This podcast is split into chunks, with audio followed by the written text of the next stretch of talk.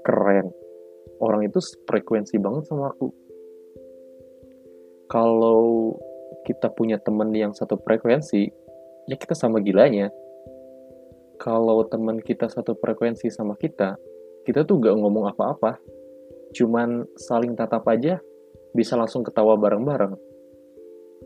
Pasti kalian sering ya denger orang yang bilang kayak gitu atau mungkin kalian sendiri pernah merasakan hal itu gitu.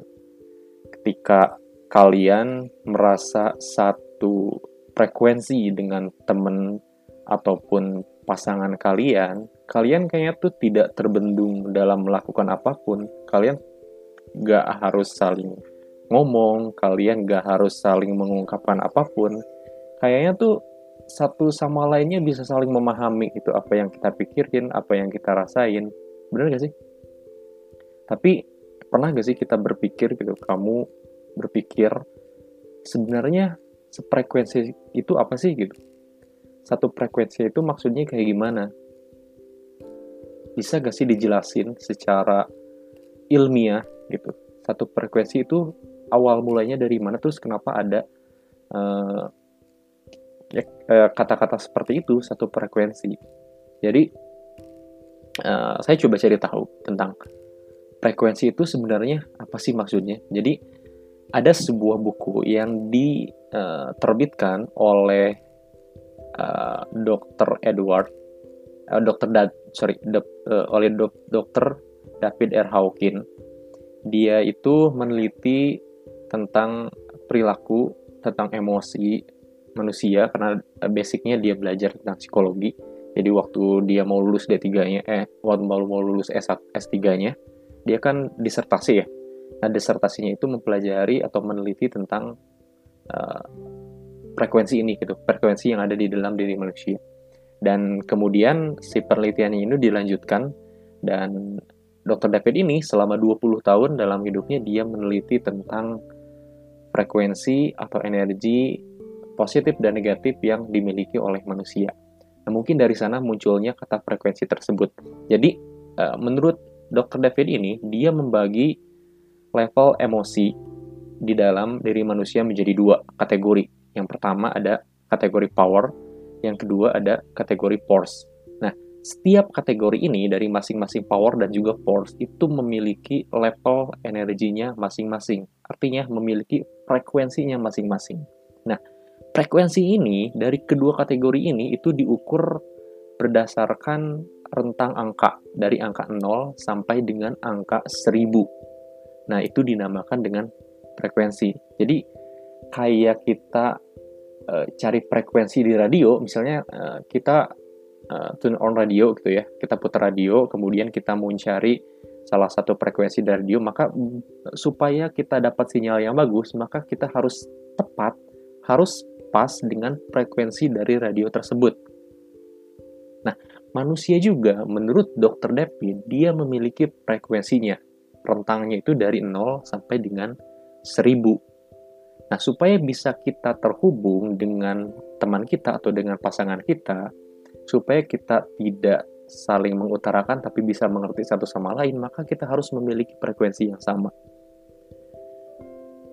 Lalu frekuensinya itu seperti apa supaya kita bisa tahu bahwa uh, kalau kita uh, bisa terhubung dengan orang lain. Nah, tadi kan saya bilang ya bahwa si Dr. David ini mengkategorikan uh, frekuensi emosi orang itu menjadi dua, uh, power dan force. Nah, dari kedua kategori ini itu dibagi lagi menjadi 17 level. Nah, levelnya apa aja? Yang pertama ini, frekuensi dari 0 sampai frekuensi yang 20 itu saya paling bawah dulu ya. Frekuensi paling 20 itu ada yang namanya uh, level malu. Nah, si level malu ini memiliki emosi jika teman-teman merasa kayaknya tidak berharga atau kayaknya aku ini hidup tuh nggak tahu mau jadi apa dan sebagainya itu berarti kalian ada di frekuensi malu dan itu frekuensinya ada di sekitaran 20 kayak gitu jadi kalau misalkan teman-teman bertemu dengan orang yang kayaknya sama gitu. Dia juga merasa tidak berharga dirinya dan kemudian kalian ngobrol dan merasa terhubung. Sepertinya kalian bisa merasakan apa yang dirasakan juga. Nah artinya kalian memiliki frekuensi yang sama gitu. Kemudian di atasnya lagi ada tol bersalah. Nilai frekuensinya itu adalah 30 itu di sini biasanya emosinya dia suka menyalahkan orang lain menyalahkan dirinya sendiri dan sebagainya seperti itulah. Kemudian ada apatis frekuensinya 50 ada kesedihan yang mendalam frekuensinya 75 ada rasa takut frekuensinya 100 ada keinginan frekuensinya 125 ada marah frekuensinya 150 ada bangga frekuensinya tuh 175 ada berani frekuensinya 200 kemudian ada netralitas frekuensinya 250 ada kemauan frekuensinya 310 penerimaan frekuensinya 350 berpikir frekuensinya 400 cinta frekuensinya 500, sukacita frekuensinya 540, kedamaian frekuensinya 600, pencerahan frekuensinya 700 sampai dengan 1000. Nah, jika kita ingin terhubung dengan orang lain, uh, maka kita harus memiliki frekuensi yang sama dengan orang tersebut. Artinya gini, uh, mungkin kita pernah gak sih punya pacar gitu ya, atau kita uh, pengen menggebet seseorang, kemudian kita tuh kayaknya punya perasaan yang menggebu-gebu terhadap orang tersebut. Gitu kayaknya kita punya hasrat yang tinggi untuk bisa memiliki orang tersebut. Cuman si gebetan kita itu dia biasa aja gitu tidak tidak semenggebu-gebu kita. Nah otomatis kan berarti kita memiliki frekuensi yang berbeda.